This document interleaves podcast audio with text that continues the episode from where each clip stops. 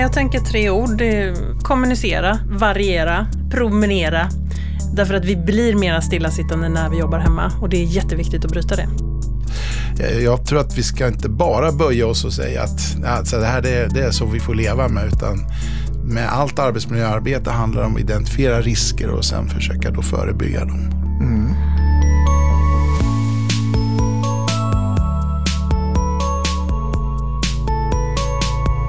Hallå arbetsmiljö! En poddserie från Arbetsmiljöverket. Hej allihop och välkomna till ännu ett avsnitt i poddserien Hallå arbetsmiljö. Den här podden vill ge er information och kunskap om just arbetsmiljöer. Vi belyser och besvarar frågor kring de utmaningar och risker som kan finnas på din arbetsplats och vi berättar om vilka regler som gäller i olika sammanhang. Varje dag är Arbetsmiljöverkets experter och inspektörer ute på arbetsplatser runt om i vårt avlånga land för att stötta, hjälpa och dela med sig av sina kunskaper. Några av de experterna är gäster här i poddserien och delar med sig av den kunskapen och reder ut oklarheter som finns.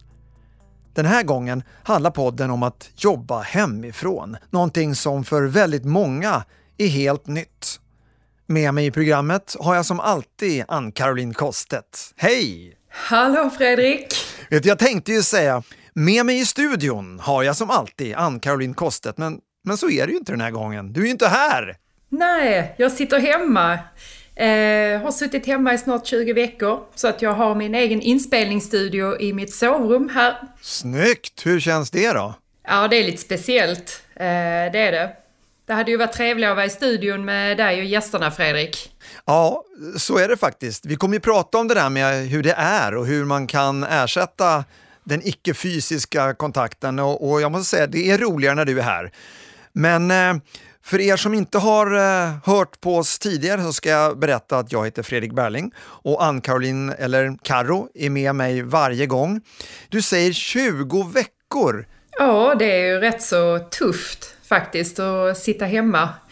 Det är framförallt det här med det sociala som man är van vid, det här med rutiner, att man åker till jobbet, är på jobbet ett visst antal timmar, åker hem. Så här nu sitter man ju liksom, man går från sovrummet till sin arbetsplats och från arbetsplatsen till köket och, och så snurrar det på liksom. Man får inte de här naturliga avbrotten som man har. Men är det inte skönt att kunna lufsa runt i, i sina små tofflor och, och, och, slippa duscha och slippa resväg till och från jobbet och sådär? ja, jo, ja, det var kanske skönt i början, men efter ett tag så blir det rätt trist. Alltså. Men det är nästan som man pratar med sig själv nu för att ha någon form av sällskap. Ja, ja du har ju i normala fall en ganska så eh, social arbetsmiljö. För du eh, har ju tidigare jobbat som eh, skyddsombud och huvudskyddsombud. Vad gör du idag för någonting på Arbetsmiljöverket? Eh, idag jobbar jag som inspektör eh, och det är också ett väldigt socialt arbete. Det innebär att jag är ute och träffar arbetsgivare eh, och inspekterar deras verksamheter.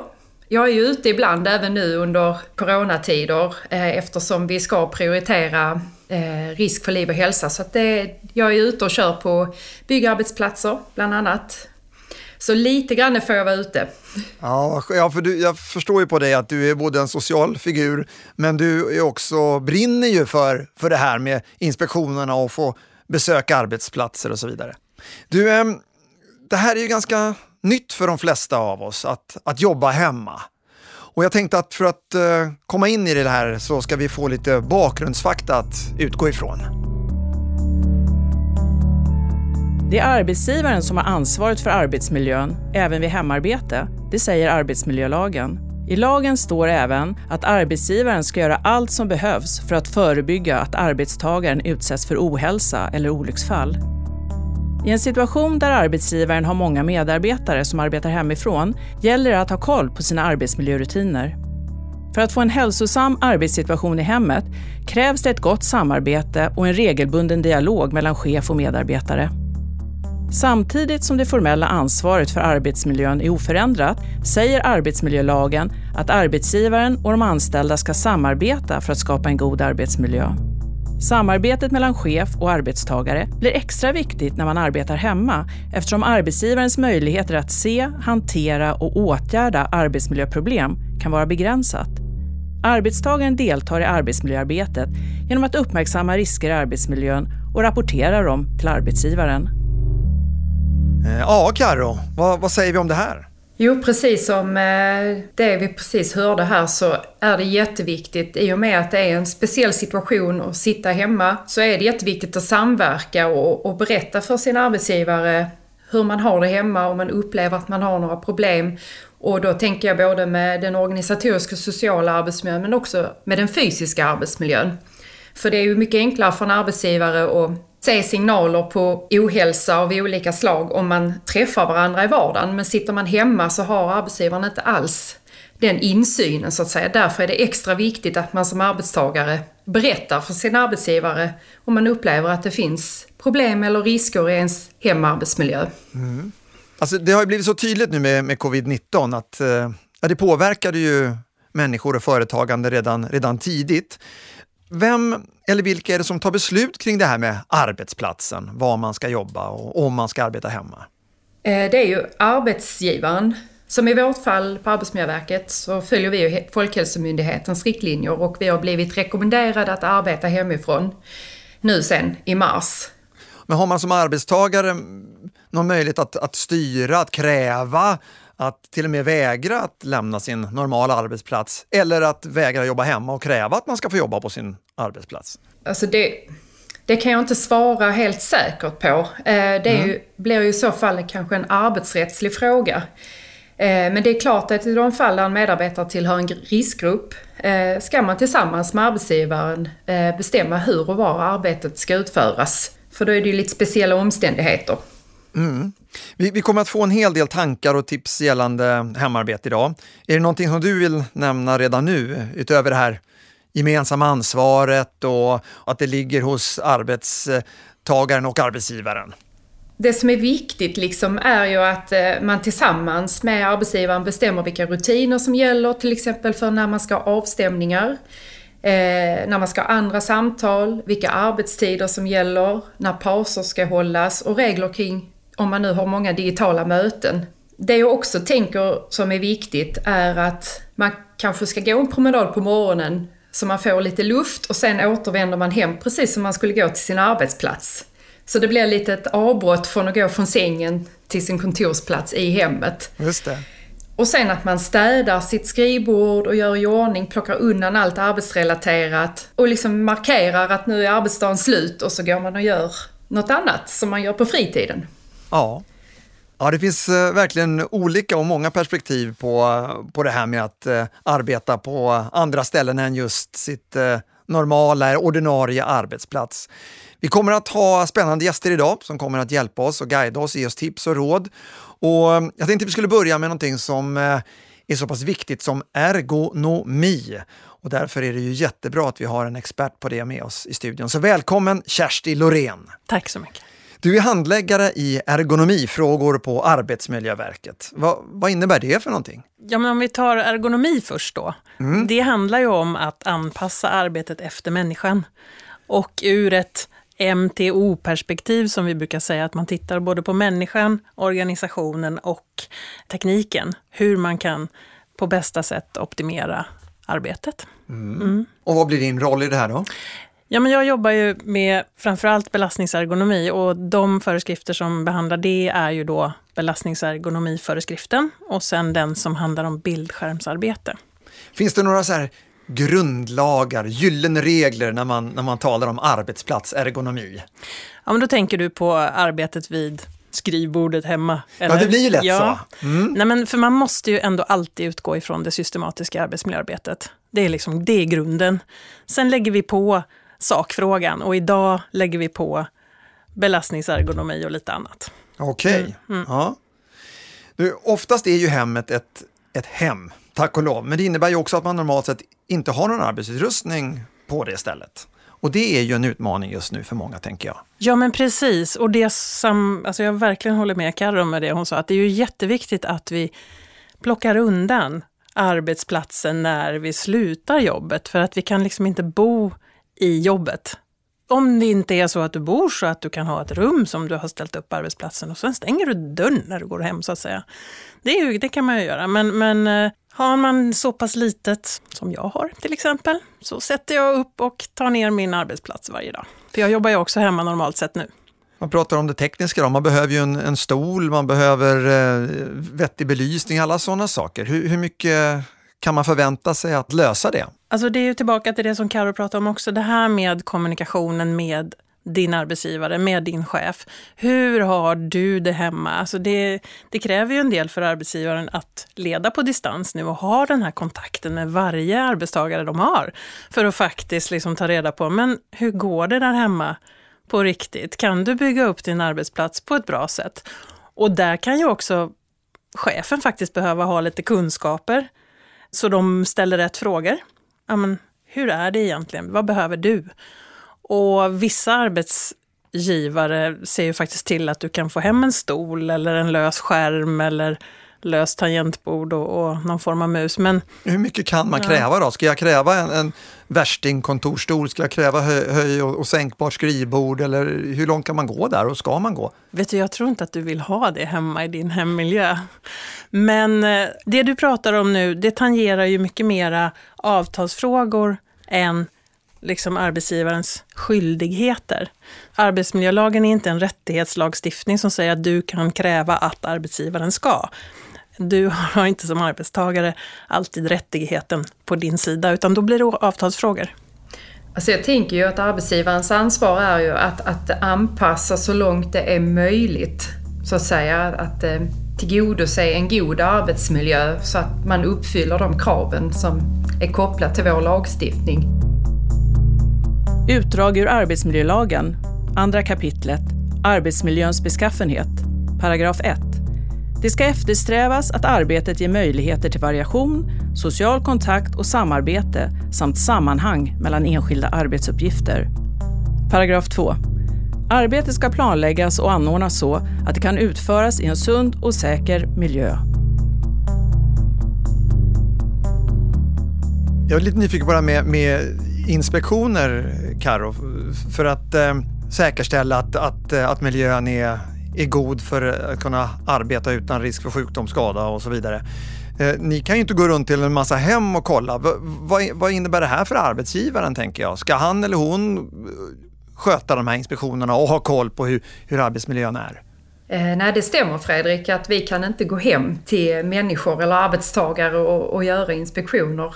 Och egentligen så kan inte en arbetsgivare heller säga att den ska in i en, en arbetstagares hem utan här handlar det väldigt mycket om den här samverkan som vi var inne på tidigare. Att man som arbetstagare redogör för arbetsgivaren hur man har det hemma och sen är det ju frivilligt hur mycket man vill visa av sitt hem eller om man vill släppa in arbetsgivaren. Det är helt frivilligt men, men man måste medverka i arbetsmiljöarbetet och, och påtala för arbetsgivaren om man har problem i sin hemmiljö.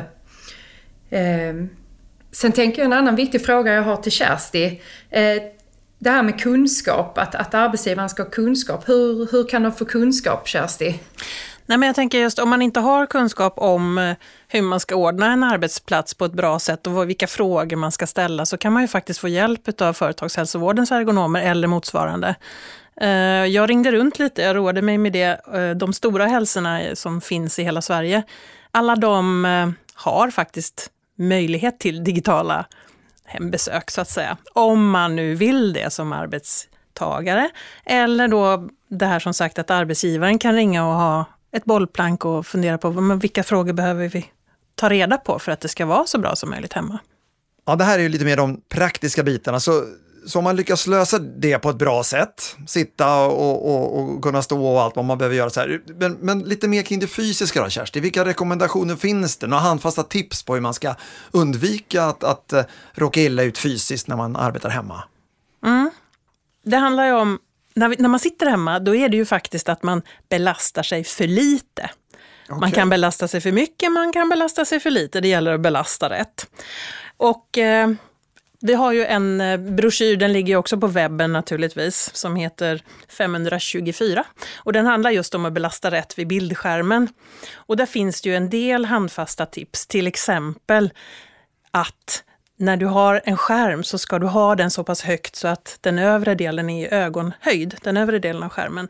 Därför då får du liksom bättre för ögonen. Ehm, och det innebär ju om du bara har en laptop att du faktiskt inte kan ha den i knät eller på soffbordet. Eller, eller ens på bordet, utan du behöver höja upp den. Och då betyder det i sin tur att du behöver ha löst tangentbord, någon form av mus som är lös. Eller att du har en stor skärm och använder då laptopens tangentbord kan du göra, till exempel. Utdrag ur Arbetsmiljöverkets författningssamling, AFS, 1998 5. På en portföljdator, bärbar dator, är normalt tangentbordet fast monterat ihop med skärmen och ofta högre och ibland med annorlunda tangentfunktioner i jämförelse med ett vanligt separat tangentbord, vilket kan ge nackdelar vad gäller möjligheterna att anpassa arbetsställningar och arbetssätt. Vid längre tids användning av portföljdator är det därför en fördel att använda ett separat tangentbord. Portföljdator, Kersti! Ja, men det är helt underbart. Alltså, den här bildskärmsföreskriften den kommer ju då, den heter 98 kolon 5. Och det innebär ju att den kommer ifrån förra, alltså före, förra, före sekelskiftet.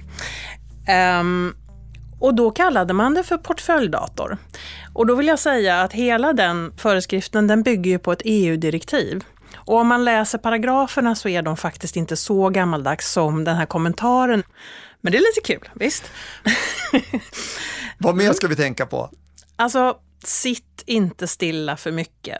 Ingen kroppsställning som du kan inta naturligt är farlig. Men om du sitter på samma sätt för länge så är det inte bra. Så det här med att variera sig. Har du någonting att läsa till exempel, men varför inte ligga i soffan?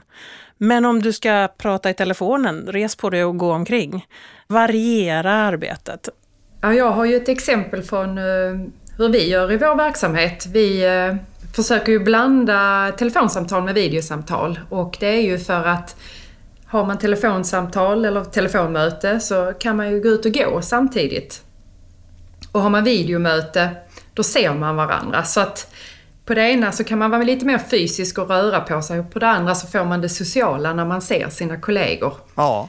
Jag får en känsla av att det är ganska lätt också att hamna i någon sorts eh, soffsittning när man faktiskt med bara lite kreativitet kan hitta lösningar på det här sättet.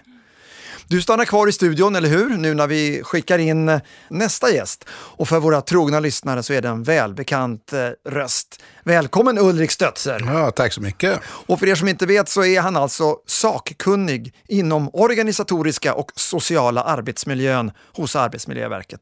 Ja du, du har ett sånt här visitkort att texten liksom går runt på båda sidor av visitkortet. Ja, det, det, det är nästan obegripligt. Men jag kan säga, egentligen så hanterar de här föreskrifterna tre risker. Och det ena är det här med arbetsbelastning, att ja, kraven överstiger resurserna och det pågår under lång tid. Va? Det som man kanske i folkmun kallar stress, men som vi försöker undvika då, utan att prata om ohälsosam arbetsbelastning. Och sen finns det här med arbetstidsförläggning också som kan medföra vissa risker. Och sen har vi det här med kränkande särbehandling, alltså massa negativa ja, sociala beteenden och sånt som kan drabba människor där vi vet att ja, det är en risk för ohälsa att bli utsatt för sånt. Från ditt perspektiv, vad, vad skulle du se varandes den största utmaningen med att plötsligt arbeta hemma? Ja, alltså det är det här med de här, den här sociala delen. Eh, och jag tror att vi ibland bortser från den. Vi pratar ofta arbete utifrån någon slags teknokratiskt sätt. Att man ska göra sitt arbete, man ska utföra A till B och sen hämtar man ut lönen då i slutet av veckan eller nu för tiden i slutet av månaden och sen är man klar. Och, men många av oss, eh, ja de flesta av oss ska jag säga, så är det en viktig social gemenskap också, arbetet. Och nu är vi där, där vi kanske sitter hemma väldigt mycket och där vi inte ens får chans att träffa de andra. Så jag tror det sociala är viktigt ur många synpunkter. Mm. Kanske också lätt att glömma. Ja, det, det känns som att det finns fler än två sidor av det här myntet. Vi får ge oss ut på stan och se hur folk uppfattar den här situationen, ifall de håller med oss eller inte. Ja, det, man saknar ju arbetskamrater eh, i det sociala. Man är man en lagspelare så gillar man att jobba i, i lag. Och det är svårare på eh, digitalt. Jag bor i en tvåa och har en, en liksom gemensamt vardagsrum och kök och vi har liksom ett bord. Så det är väl sådär.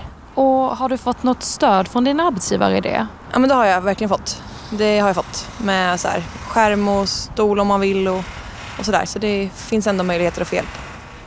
Jag tycker det är jätteskönt. Vad är det du tycker är skönt? Resvägen. Slippa transporterna.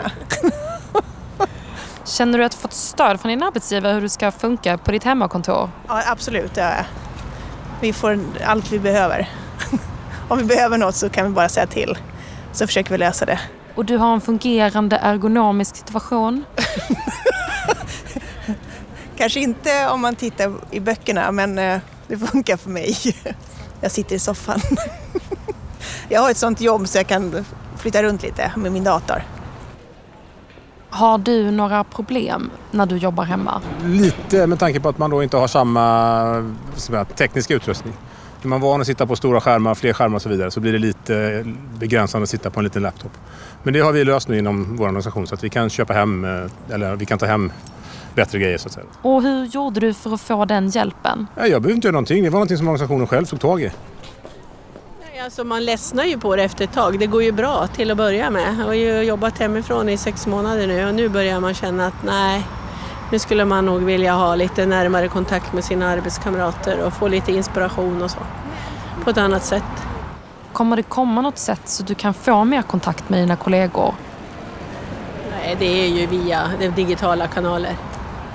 Vi följer ju Folkhälsomyndighetens rekommendationer så att vi jobbar hemifrån hela hösten skulle jag tro. Och hur känner du inför det? Trött, tråkigt, grått. Ja, några röster ute på lunchpromenad där alltså. vad, vad säger du Ulrik? Tråkigt och grått som framtiden sammanfattades där. Ja, jag, jag, tror inte det är så, så grått för alla. Det är ju, en del ser det här som något positivt, att kunna jobba hemifrån. Jag, för min egen del har jag väl aldrig sett så mycket av naturens växlingar som jag har fått möjlighet att göra. Och det kan ju vara någonting positivt. Men, men jag tror att det finns en risk där, när vi, särskilt om, för de som kanske inte har annan social kontakt som är utanför arbete på så lika mycket som andra kanske. Och då, då kan det här bli en risk i längden alltså för oh, ja, psykisk ohälsa. Någonting som du, Karo eller Kersti reagerade lite extra på när vi hörde enkäten? Eh, nej men det här med just att ha kontakt med sina arbetskamrater. Det kan ju faktiskt vara så att du bor nära någon som du kan ta en walk and talk med. Eller att du kan ringa upp en, en arbetskamrat och gå ut och gå, alltså promenera var och en på, på sitt håll, men ändå ha någon att prata med när du är ute. Jag tänker ju på vikten av täta kontakter med sin arbetsgivare, med sin chef.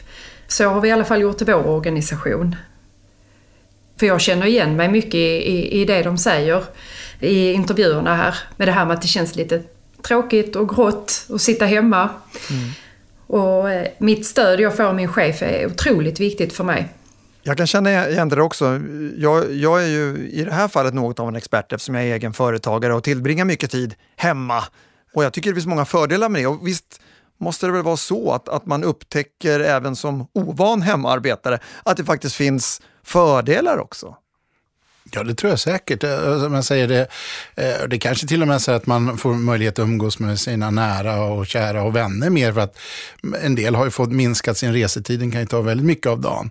Så det är klart det finns fördelar. Men jag tror att i grunden, som jag var inne på, är vi sociala varelser. Så vi behöver i så fall ersätta den här sociala gemenskapen som vi kanske har i jobbet med någon form av annan gemenskap. Och jag håller med, försök hålla kontakt och hitta former där man kan prata och, och, och ja, umgås på något sätt digitalt. Har, har ni hittat andra sätt, Karo, också än bara de mer liksom, officiella mötena?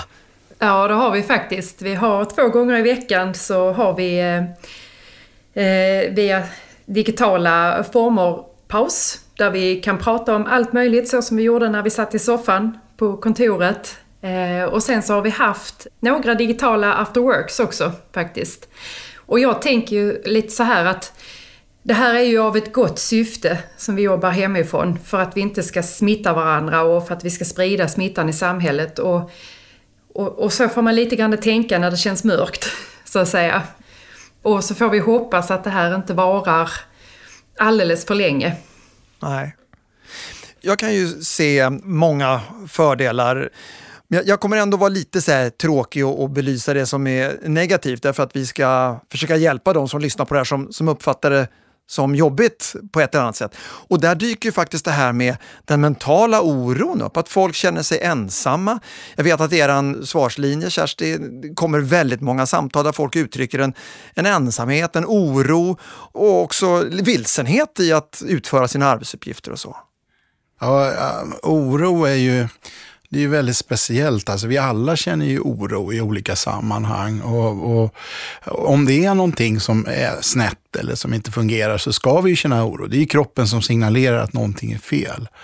Omfamna din oro, säger ja, du? Ja, lite grann kanske. Man, om man tittar ur arbetsmiljösynpunkt, det blir ett väldigt stort ämne annars, oro ja. som finns. För, man kan ju oroa sig för, för miljön och alla, alla saker som runt omkring. Men om vi tar det här med arbetet då, och kanske då också utifrån smittrisker och så vidare så får man se oro som kanske tecken, i signal brukar vi säga. Det är ju, en, det är ju inte i sig en arbetsmiljöfråga, oro, utan det är ju oftast ett symptom på någonting. Så att som arbetsgivare kanske eh, det är extra viktigt nu att lyssna på sina arbetstagare och höra om det finns någon form av oro och den går att koppla till någonting i arbete som man kan hantera.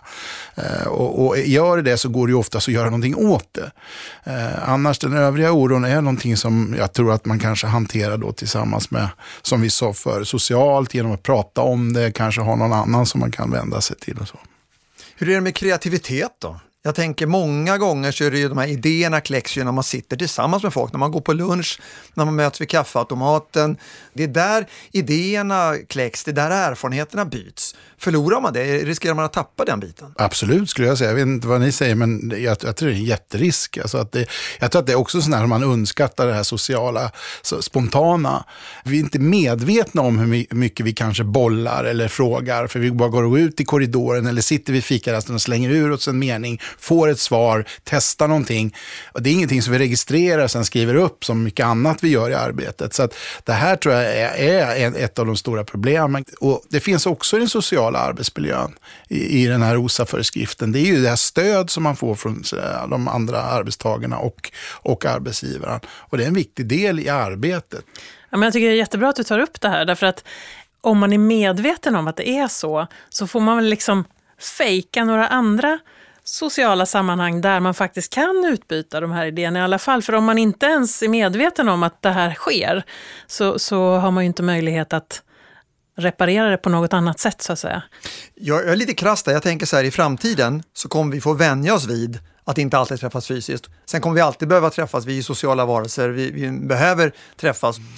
Men jag tror ändå att vi kommer liksom flytta positionen här och vi kommer få lära oss att acceptera det. Är, är det någonting mer nu som ni, vill, som ni tycker är viktigt som vi inte har fått fram nu när, när vi ändå börjar runda av det här avsnittet? Ja, förutom det som jag sagt, det har ju sagts väldigt kloka och viktiga saker hittills. Men, men eh, jag vill nog poängtera det igen, att glöm inte, det som du säger, man måste medvetandegöra vissa problem. Och det här med att vi är sociala varelser, att, att det är en del ändå att uh, vi behöver ses och umgås eller försöka hitta lösningar till det.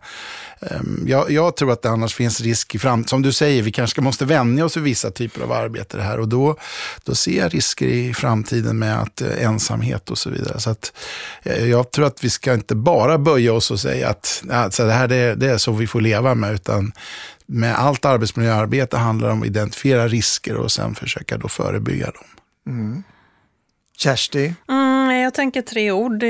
Kommunicera både arbetskamrater emellan och med chef, arbetsgivare. Eh, variera, variera arbetsställningar, promenera. Eh, det vill säga rör på dig på ett sätt som du tycker är trevligt och roligt. Därför att vi blir mera stillasittande när vi jobbar hemma och det är jätteviktigt att bryta det. Karo, vad säger du då? Eh, jag tänker på vikten av att skapa en bra arbetsmiljö utifrån de förutsättningar man får och har. Och verkligen, det är en arbetsplats. Jag går till den och jag går därifrån. För att det är så lätt att allting flyter ihop när man sitter hemma och arbetar. Eh, och sen så, mycket har ju framkommit här i podden eh, och vi har mer info på vår webbplats av.se. Och sen kan man även leta efter information hos andra organisationer som till exempel Prevent och även Sunt Arbetsliv. Toppen! Ja, för ni, ni som lyssnar nu, oavsett om ni är arbetstagare, arbetsgivare eller skyddsombud, det, det finns ju stöd att, att få. Ni är inte ensamma i den här situationen. Och med det säger vi tack Ulrik Stötzer och Kersti Lorén för att ni var med och delade med er av er kunskap. Och tack också Karo för att du som alltid är med och delar med dig av dina erfarenheter och, och din kunskap. Och därmed avrundar vi det här avsnittet. Glöm inte att det finns fler i den här serien Hallå arbetsmiljö och du hittar dem på Arbetsmiljöverkets webbplats av.se eller där du brukar lyssna på poddar. Och kom ihåg, det är ju så här att vi bor ju för 17 i Sverige. Här ska ingen behöva bli sjuk, skadas eller till och med i värsta fall dö av sitt arbete. Om vi alla hjälps åt, om vi alla tar ansvar, så kan det faktiskt bli verklighet. Väl hört någon annan gång. Hej hej!